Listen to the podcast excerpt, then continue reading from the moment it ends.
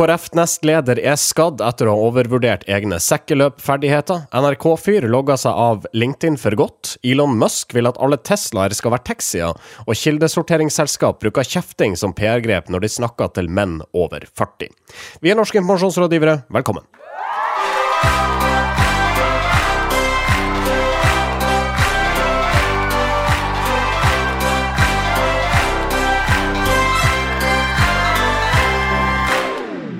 Jeg heter Marius Skjerve Staulen. Denne sendinga presenteres av medieovervåknings- og analyseselskapet Retriever. Sindre Holme, hallais. Hallais. Marius Torkelsen, hallais. God dag, god dag. Vi må ta uh, dette her før vi glemmer det av igjen, uh, Sindre. Vi hadde en påskekrim for et par uker tilbake, altså. Uh, vi la, la, den ut langfredag.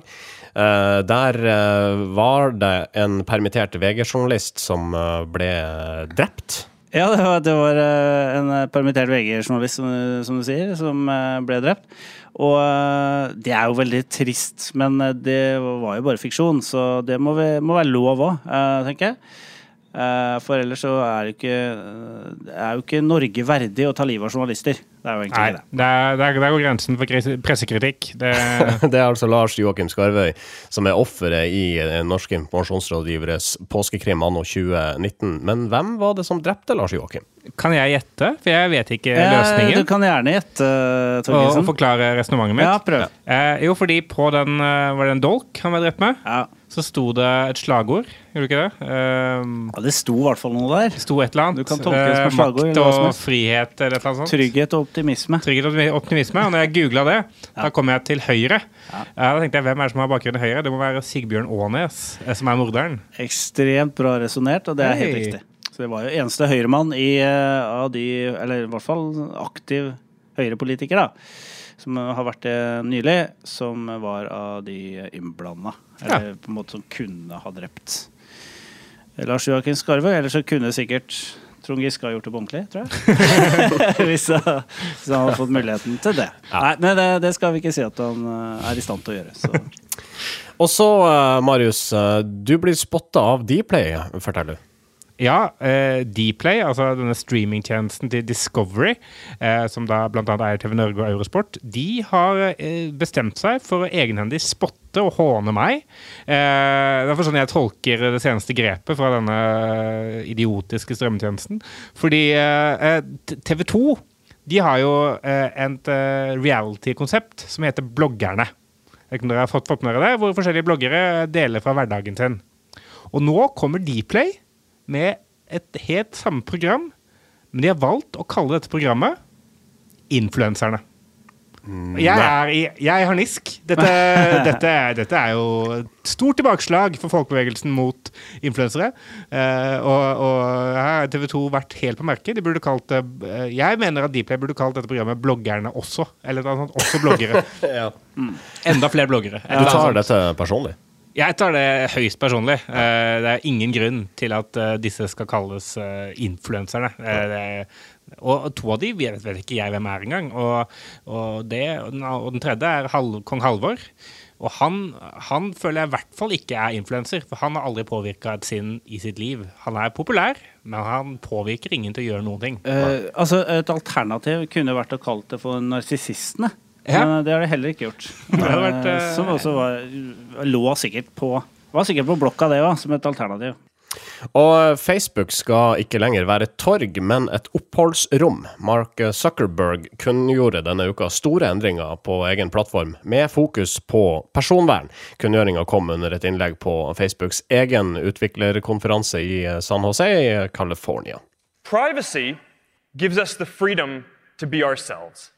So it's no surprise that the fastest ways that we're all communicating online are private messaging in small groups and in stories. This is the, the next chapter for our services. Ja, Fremtida er privat, sier Zuckerberg.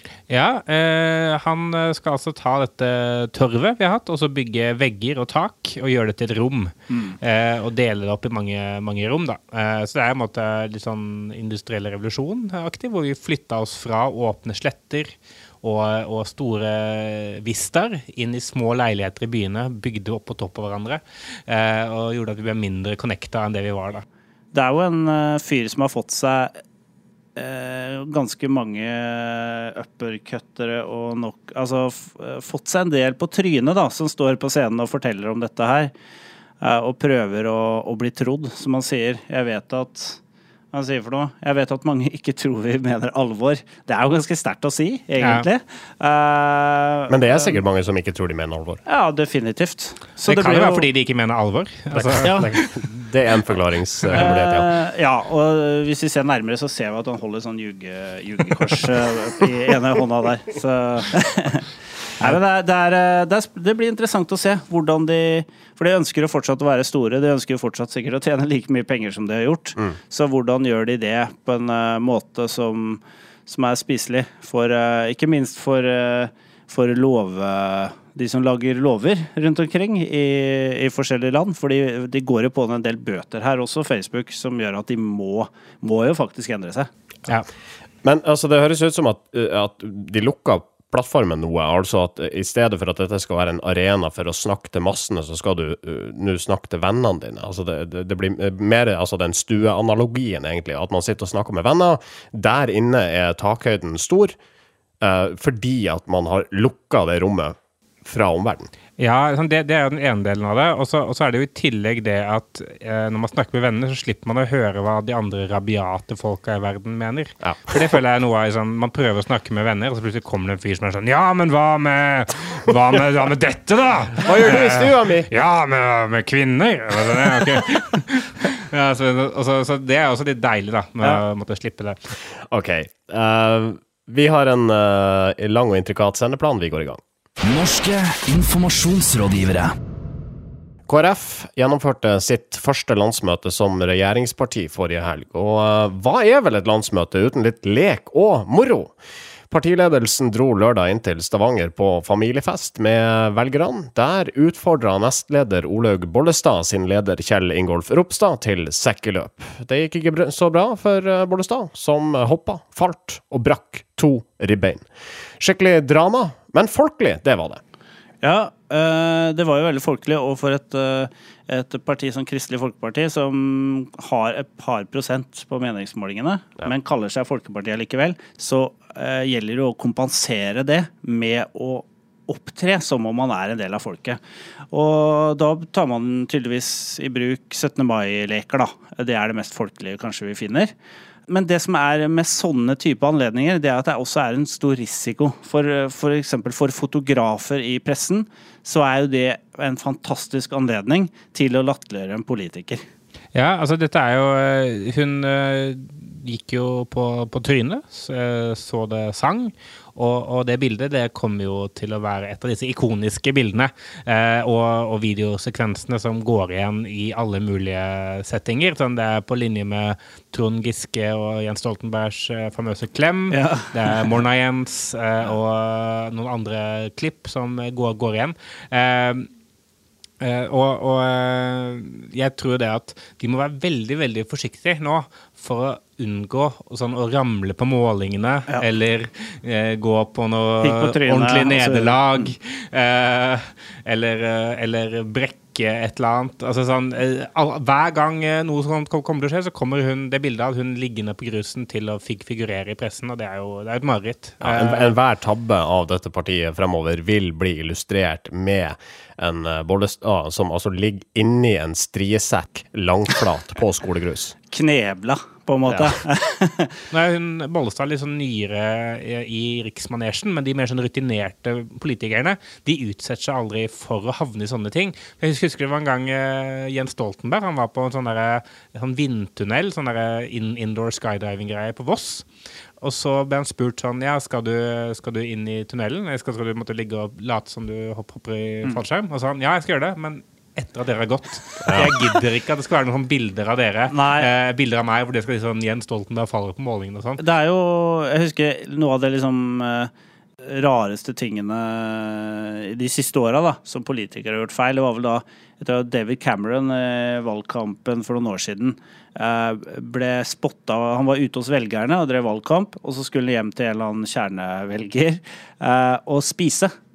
Og da fikk han servert pølse i brød, og begynte da å, eh, begynte da å angripe denne pølse i eh, hotdogen med kniv og gaffel. Eh, og- Ikke særlig og- folkelig.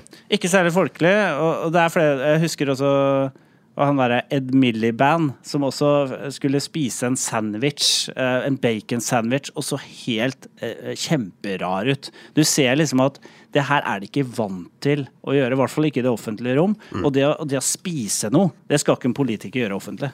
For det, altså det fjeset man får når man spiser, det er helt crazy. Veldig ofte. Ja. Og det er jo sånn eh, altså det, jo, det kunne jo vi kanskje gjort, eh, kanskje i samarbeid med noen som har litt mer greie på politikk, og skrevet en håndbok for hva politikere ikke bør gjøre. Blant annet hoppe i striesekk. eh, Ja, for det, det, det lurer jeg på. sånn herre når du skal hoppe i strisekk på riksdekkende TV, hva, hva, er sånn, hva er best case-scenario? Fordi sånn, eh, altså, At sånn, du hva- Ja, jo, men selv da så ser det jo helt idiot ut når du hopper rundt i en sånn strisekk, uansett. Uansett hvem som gjør det. Selv liksom, Og- eh, en veldig her- fet fyr, Carpe Diem, han ser helt sånn tullete ut, eh, hopp, hoppende i strisekk. Greia var vel å vise at de kan leke sammen nå, at de er såpass gode venner. Her Jo. var Knut Arild Hareide også med. Eh, Og vise at eh, ja, ja, men de, de kan jaggu meg hoppe sekkeløp sammen òg, de. Jeg tenker, tenker også at eh, hun, Bollestad hun er ikke først og fremst kjent for sine atletiske evner. Hun Nei. er god på an andre ting, forhåpentligvis, men, men ikke at- atletisme. Så hvis når du først skal gjøre noe på TV, da må du gjøre noe annet eh, enn å hoppe i strisekk. Og det mener dette kunne de forutsatt og unngått, eh, fordi det er ikke noe å tjene på å hoppe i strisekk eh, på TV. Det er jo ikke noe tvil om at de lager det her for de vet at da vil pressen, det vil pressen synes er litt morsomt. Så det blir en sånn kuriosa-sak, kanskje. Kan Men- det også hende at pressen har krevd det? være sånn der, Vi kommer ikke med mindre de hopp- hopper i strisekk.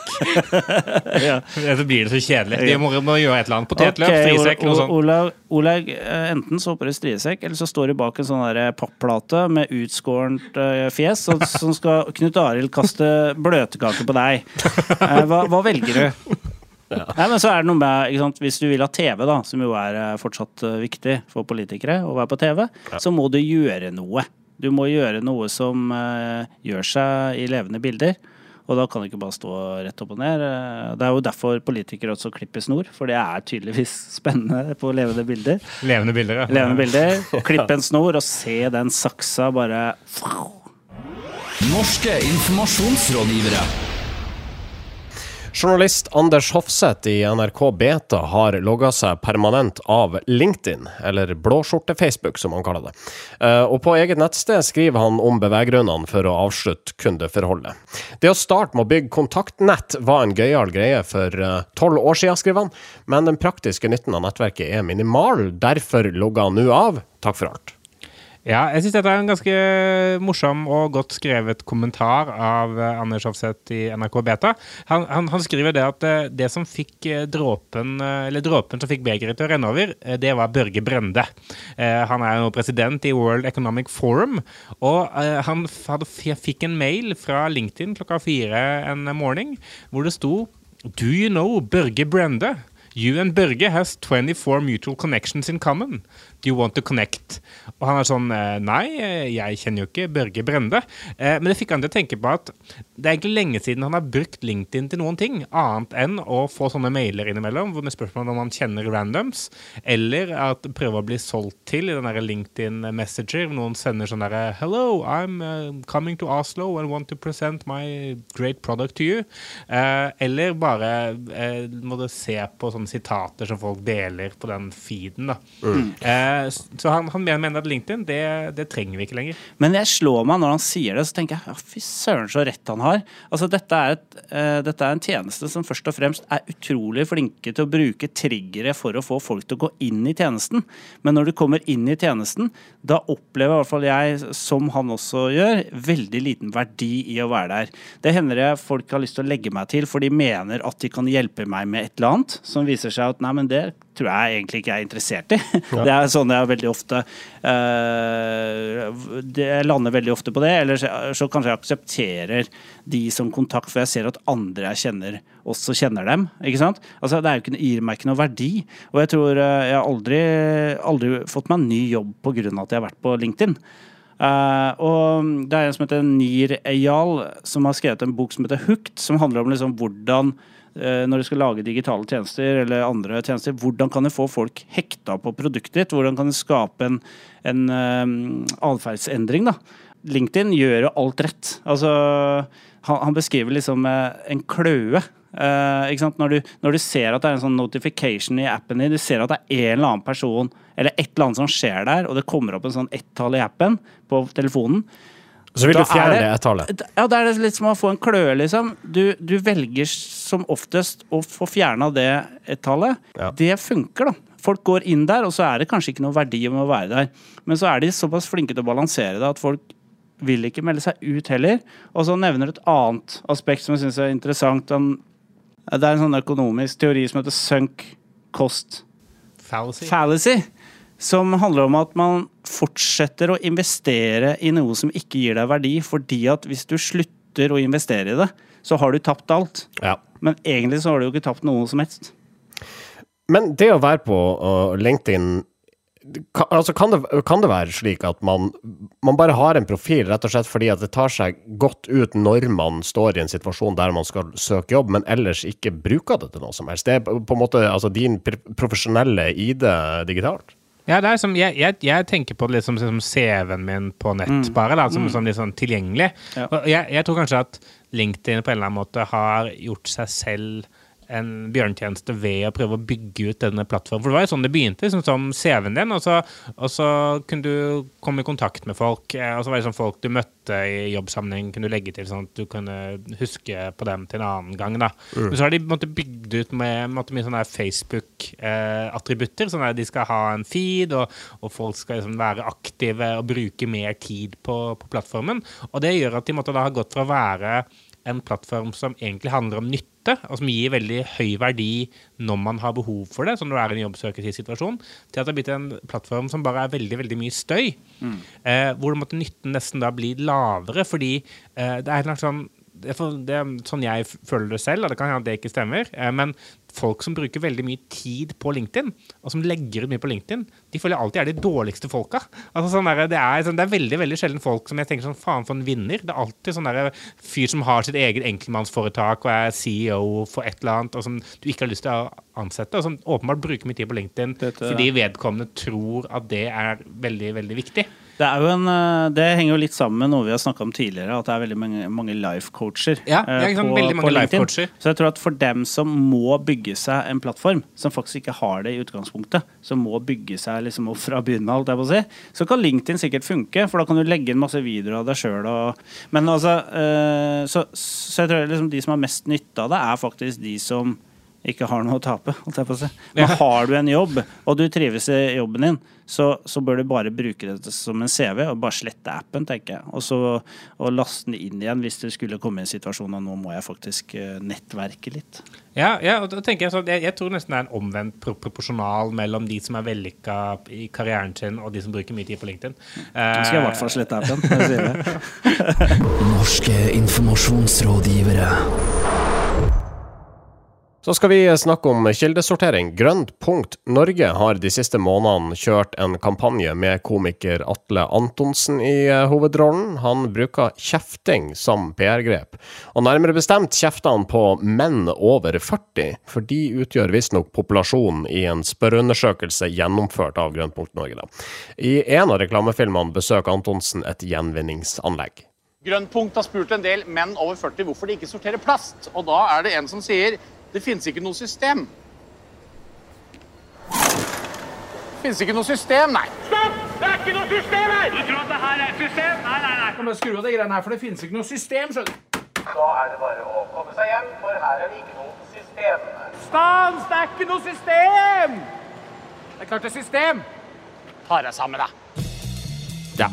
Filmen eh, vant Sølvfisken for mars og skåra høyt på målinga for uh, reklamefilmer. Det gjør den. den er jo, Atle Antonsen er jo Norges morsomste fyr, syns jeg. Men jeg tenker at det, det treffer litt, litt tidsånden, kanskje òg. Vi lever litt i sånn Greta Thunbergs tid. eh, Der eh, de voksne må se og skjerpe seg, og det er, det- det er veldig mange enig i. Eh, Og den føyer seg godt inn i det paradigmet, på en måte. At liksom, ja, Det må de faen meg gjøre. Men jeg er litt usikker på at den type kampanjer Jeg tror de snakker veldig godt til de som er flinke fra før. Eh, og kanskje ikke så veldig godt til de som som, uh, er, ja, som ikke liker å kildesortere og syns det er noe forbanna drit å holde på med det. Ja, jeg, jeg er litt usikker på det der eh, Det, det, det finnes det sikkert noe forskning på, men sånn der, når det er liksom Han er jo en representant for den gruppen som han kjefter på. Ikke sant? Han er jo mann over 40 sjøl. Om, om da liksom, eh, kjefting og, og sånn blir mer eh, spiselig da, for de som skal motta det. For hvis det hadde vært da en eller annen ung komiker, eh, si sånn Atle Antonsen som 19-åring, da, hvis det hadde vært mulig å reise i tid, som hadde, hadde gjort det samme Det er ikke sikkert at det som hadde fungert like godt, men når liksom det er en av dem sjøl som kjefter, da tenker de ja, kanskje han har rett. Eh, fordi eh, det, er, det er jo som det derre Det å faktisk eh, si ting som de er, da, i stedet for grønnpunkt skal være sånn derre Jo, men det er viktig fordi eh, miljø og sånn. Prøve å motivere Ja. istedenfor bare å si 'skjerp deg, dette klarer du'. Ja? Eh, så, så kanskje liksom det er eh, Hvis det er det der frykten for å tape ansikt, eh, hvis den er stor nok, Mm. eh, så, så kan kjefting funke. Ja. Og så er det jo enkle altså det er jo enkle premisser i de- i den reklameserien. Altså I det, det klippet vi hørte, så er da, eh, så er da påstanden fra eh, respondentene i undersøkelsen er det finnes ikke noe system. Og det er veldig lett å debunke den påstanden, for det finnes åpenbart et system. Så Ja. eh, reklame går ikke ned i dypet altså rundt, rundt f.eks. diskusjonene rundt hvorvidt kildesortering er effektivt eller ikke. Og så, og så slår det meg at eh, jeg tenker, jeg lurer på hvor de påstandene er henta fra. Jeg vil tippe at de påstandene er henta fra Facebook. Så jeg tenker Hvis Facebook nå skal gå fra å være torg til å bli oppholdsrom, så kanskje vi går glipp av det dumme påstandene som folk slenger seg med. Og da får vi ikke tilgang til det lenger. Det blir litt trist, tenker jeg. Jeg, jeg, jeg håper jo på en måte at uh, Fordi uh, disse tallene du refererte til, på sånn uh, reklametesttall eh, på at det funker, de viser det at eh, reklamen har ekstremt høy oppmerksomhet. Eh, den har eh, ekstremt høy liking i målgruppen, sånn at de, de liker den veldig godt og er enig med budskapet. Og eh, et eller annet erindring, man kan huske hvem som er avsender. Da. Eh, og, og, og alle de tingene til sammen tror jeg man i stor grad kan tilskrive Atle Antonsen. Eh, så håpet mitt er kanskje at han bare kan brukes av staten Norge fremover for å få folk til å gjøre ting som vi vil. da. Ja, ja, ja. Bare sånn der, Bruk bilbelte, skjerp deg. Eh, «Oi, fun funker det ikke? Bare sånn Akkurat samme grep på alt mulig rart. da. Å, Bare vaksinasjon. Å ja, det funker ikke! Vaksinasjon funker ikke. Ta deg sammen. Altså, Ta det sammen. Alt skal vi ta oss sammen eh, for, ja. Ja. Atle Antonsen altså, skal bli statens kjeftende munn. Ja. Ja, det, kan- det kan bli. Og da, da- ikke sant, da blir det slutt på hjerte- og karsykdommer og alle livsstilssykdommer. Røyking blir det i hvert fall helt slutt på nå. Eh, så han kommer jo til å bli en enorm, altså, enorm eh, mulighet for liksom folkehelsa, da. Uh, og, og, og klima. Han kommer til å redde klimaet, rett og slett. Norske informasjonsrådgivere. Elon Musk la denne uka fram en eh, ny fremtidsdrøm, Teslaer som fungerer som selvkjørende taxier når eierne sjøl ikke bruker bilene sine. Jørgen Helland og Ask Helseth i Scandinavian Design Group deler sine tanker om Musks framtidsvyer i et innlegg hos DN. De er ikke helt overbevist, men er det noen som kan selge oss robotdrømmen, så er det Elon Musk, skriver de. Ja, Elon Musk har jo til og med sendt en eh, bil eh, til månen. eh, sammen med et David Bowie-soundtrack, var det ikke det? Eh, og han har jo bevist at han, eh, han, dra, han kan få til ting. Så når han eh, kommer med sine vyer, så så investerer folk i hans produkter fordi de vil kjøpe den drømmen om å komme dit. Men i realiteten så er det veldig langt dit. Som Jørgen Helland og hans kompanjong skriver, så, så ble det testa en selvkjørende buss på Fornebu her for en tid tilbake. Og den skapte jo mange livsfarlige situasjoner. Så det, det, er liksom, det er underkommunisert hvor hvor kort vi egentlig er kommet når det gjelder kunstig intelligens og selvkjørende biler. Men Elon Musk er, liksom Han er den mannen som gjør at vi allikevel tror på det. At det, kom, at det er nært forestående. Elon Musk, altså før han var kjent for oss som Tesla-gründer, så snakka jo han om selvkjørende biler. Hvis du ser på Teslaen i dag, så er de jo i hvert fall langt på vei i den retninga, da? Altså, disse bilene styrer jo seg sjøl. Ja, og, og det virker jo som om Jeg føler i en måte alltid at Tesla har virka som om det ligger fem år, for, eller i hvert fall et par år, foran, foran resten av bilparken. Så bare, bare det at de måtte virke så mye mer eh, futuristiske enn resten, gjør jo at måte, andre har noe å strekke seg etter. da. Eh, og som gjør at det kanskje er mulig å tro på da at, eh, at liksom det fins en, eh, en, bedre, en bedre fremtid enn den vi har nå. Og sånn sett så er det jo uten han så hadde jo ikke det skjedd. Fordi det er ikke som om han har sånn ekstremt mye konkurranse. I hvert fall ikke i, i mainstream det, eh. Nei, og det er jo spennende. Du har, den mannen der er jo Altså, hvis du har mye penger og har lyst til å tro på fremtiden, så putter du pengene i Elon Musk. Det er, liksom, det er, det er der pengene skal. Hvis du har lite penger og ikke har lyst til å tro på fremtiden, så SAS-aksjer kjøpte du, da. Da kjøper du SAS-aksjer og Philip Morris-aksjer. En uh, siste ting her. Stillingstitlene i det offentlige må bli kjønnsnøytrale. Det mener Anette Trettebergstuen i Ap og Ina Libak i AUF. De har lagt fram forslag om å skrote mannstitler som fylkesmann, rådmann, lensmann. Kjønnsspesifikke titler har gått ut på dato, og det er på høy tid at de endres, sier Trettebergstuen til Dagbladet. Ja, og det høres jo fornuftig ut. Men det var én ting som slo meg, og det var at eh, det var et ord eh, de ville erstatte, eh, og det var ombudsmann. eh, Som Ja. da skal bli ombud. Men eh, ombudsmann er jo et eh, liksom et eh, liksom, Det er jo et ord vi brukte i Norge, har brukt siden vikingtiden, og som har spredd seg til alle, eller veldig mange engelskspråklige land også. Som jo er, ikke sant? Og, så da tenker jeg sånn, Det har jo en kulturhistorisk verdi, og er faktisk en av de få norske ordene som er blitt eksportert. Så hva skal vi si til engelskmennene nå? Jeg, jeg synes jo, altså, De har et poeng i at liksom, disse titlene kanskje er litt upresise. Og sånn sett, sånn, Jeg aner ikke hva som er forskjell på rådmann og fylkesmann. og, og sånne, hva, hva de gjør. Du kan like godt bytte navn, men da ikke nødvendigvis da, Jeg syns ikke kjønnsnøytralitet er det viktigste, men bare forklarende hva de gjør. Hva det er, hva gjør, et, hva gjør et, ja. den ombudsgreia? Ja. Ja. Du vil gjerne lære mer om norsk politikk og offentlig forvaltning? Jeg vil gjerne gå åttende klasse på ungdomsskolen på nytt og lære samfunnsfag og faktisk gidde å følge med. Det er det jeg er interessert i. Så hvis de kan hjelpe meg med det, så, så signer jeg opp. Det hadde vært utrolig fint å kunne tatt opp noen av de fagene fra ungdomsskolen. Heimkunnskap, f.eks. Jeg husker jo ikke hvordan lager man vannbakkels. Det, det har jeg glemt, for å si det sånn. Nå tror jeg vi skal sette den berømmelige streken. Norske informasjonsrådgivere spilles inn i studioene til Moderne Media. Et av Norges største produksjonshus for podkasts. Du finner dem på modernemedia.no. Eh, skal vi se. Vi, er- vi er altså ikke her i neste uke. Da er, da er jeg i eh, kongens klær. Ja, oi. Oi, oi. Ja, For det blir krig neste uke, er det sånn? Altså, det, det, I hvert fall nede på Helgeland, der jeg skal eh, skyte med gevær. Men, men hvis, dere da, hvis dere da vil ha noe å høre på, så kan dere høre på nyeste episode av Storyslam Oslo oh, ja. sin podkast, hvor jeg da annet har en historie fra mitt eget liv som jeg forteller. Eh, Ja, så det, det, anbefales. Mm.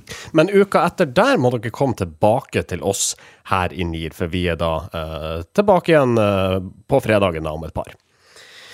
Vi eh, takker for nå, og eh, vi høres igjen fram til da. Ha det bra! Norske informasjonsrådgivere. Moderne media.